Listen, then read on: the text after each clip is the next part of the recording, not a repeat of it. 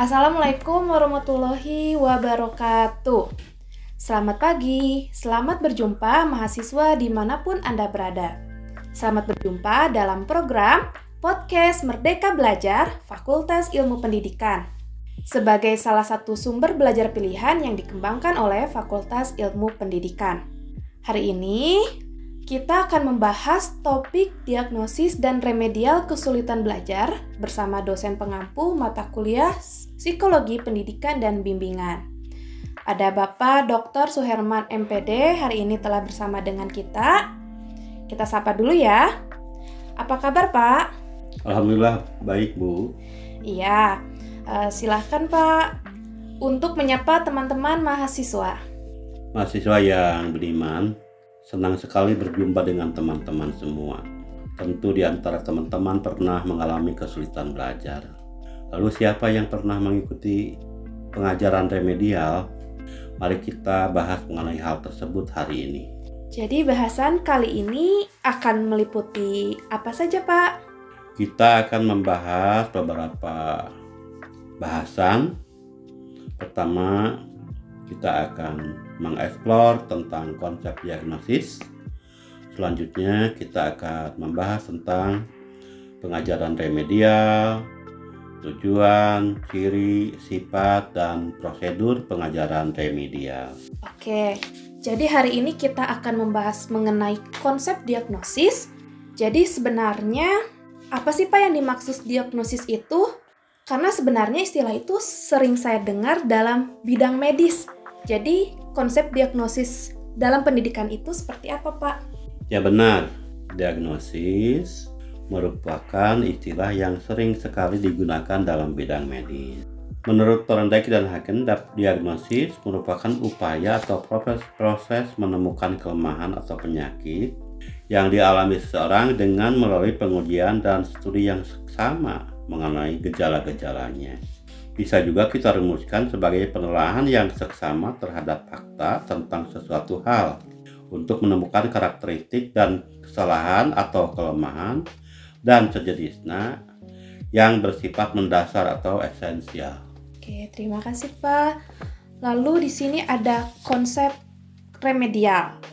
Apa sih Pak remedial itu? Dan remedial seperti apa yang biasa dilaksanakan di sekolah? Ditinjau dari arti kata, Kata remedial dapat diartikan sebagai sesuatu yang berhubungan dengan perbaikan. Pengajaran remedial dapat didefinisikan sebagai upaya guru dengan atau tanpa bantuan atau kerjasama dengan pihak lain untuk menciptakan suatu situasi baru yang berbeda dari situasi biasa yang memungkinkan individu atau siswa atau kelompok siswa dengan karakteristik tertentu lebih mampu mengembangkan dirinya seoptimal mungkin sehingga dapat memenuhi kriteria keberhasilan minimal yang diharapkan. Kegiatan remedial dapat diartikan sebagai suatu kegiatan yang dilaksanakan untuk memperbaiki kegiatan pembelajaran siswa yang kurang berhasil. Untuk apa pengajaran remedial perlu dilaksanakan, Pak? Secara umum, tujuan pengajaran remedial sama dengan pembelajaran pada umumnya. ini bertujuan untuk memperbaiki kekurang berhasilan siswa sehingga siswa dapat mencapai kompetensi yang telah ditetapkan berdasarkan kurikulum yang berlaku. Secara khusus, pengajaran remedial bertujuan untuk membantu siswa yang belum tuntas menguasai kompetensi yang ditetapkan melalui kegiatan pembelajaran tambahan. Begitu ya, Pak. Baik. Nah, dari pengajaran remedial ini, apakah ada ciri-ciri khusus yang perlu rekan-rekan mahasiswa untuk pahami, Pak? Ya, memang pengajaran remedial dilaksanakan setelah diketahui kesulitan belajar yang dialami siswa dan kemudian diberikan pelayanan khusus yang sesuai dengan sifat, jenis, dan latar belakangnya. Adapun ciri-ciri pengajaran remedial meliputi pertama, dalam pengajaran remedial tujuan instruksionalnya disesuaikan dengan kesulitan belajar yang dihadapi siswa. Kedua, metode yang digunakan dalam pengajaran remedial bersifat diferensial, artinya disesuaikan dengan sifat, jenis, dan latar belakang kesulitan belajar yang dialami setiap siswa.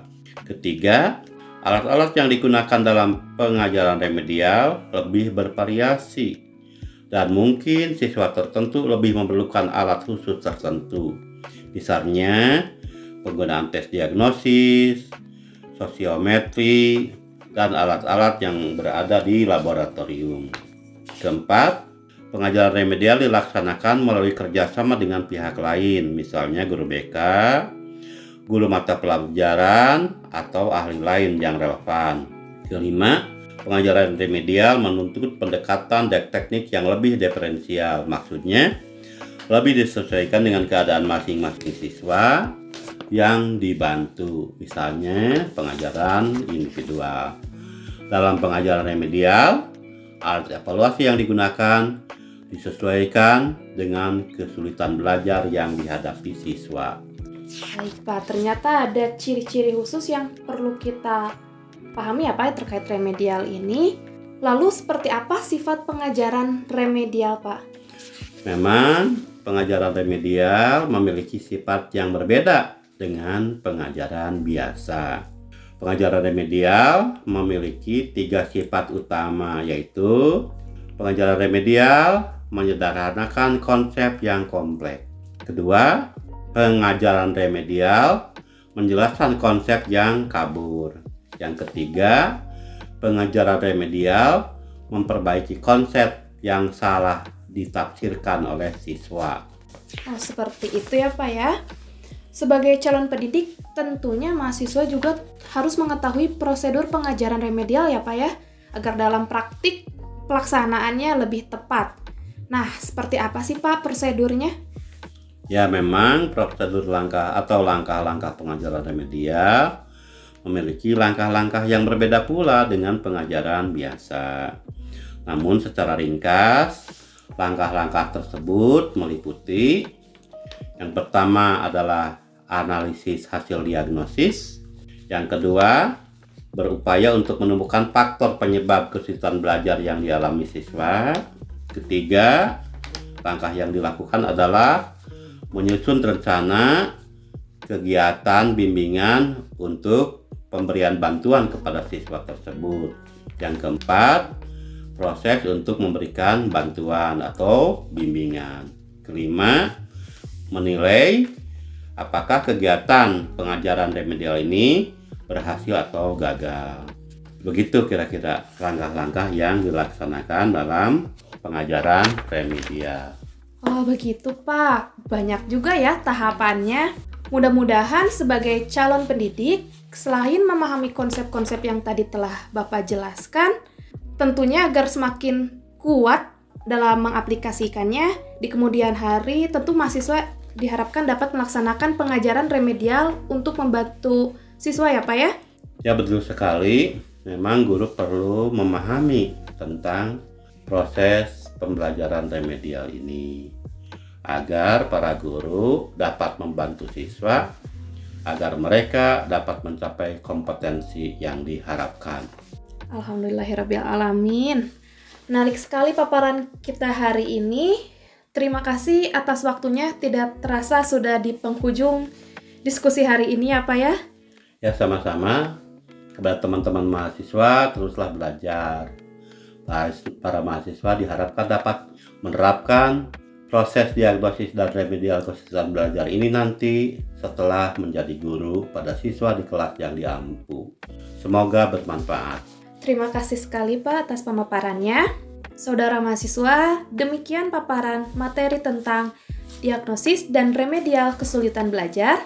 Semoga dengan mendengarkan uraian ini, Anda semakin paham berkaitan dengan materi yang disampaikan tadi ya, sehingga dapat membantu Anda untuk memahami lebih dalam tentang materi ini. Saya ucapkan terima kasih sudah mendengarkan podcast Merdeka Belajar Fakultas Ilmu Pendidikan Universitas Pendidikan Indonesia. Jika masih ada pertanyaan, silahkan Anda dapat follow akun Instagram at vip underscore upi. Untuk teman-teman mahasiswa yang ingin melihat video pembelajaran, dapat juga mengunjungi channel YouTube Fakultas Ilmu Pendidikan. Terima kasih, saya undur diri. Sampai jumpa. Wassalamualaikum warahmatullahi wabarakatuh. Podcast, podcast, Reka, Reka, belajar, belajar, FIP UPI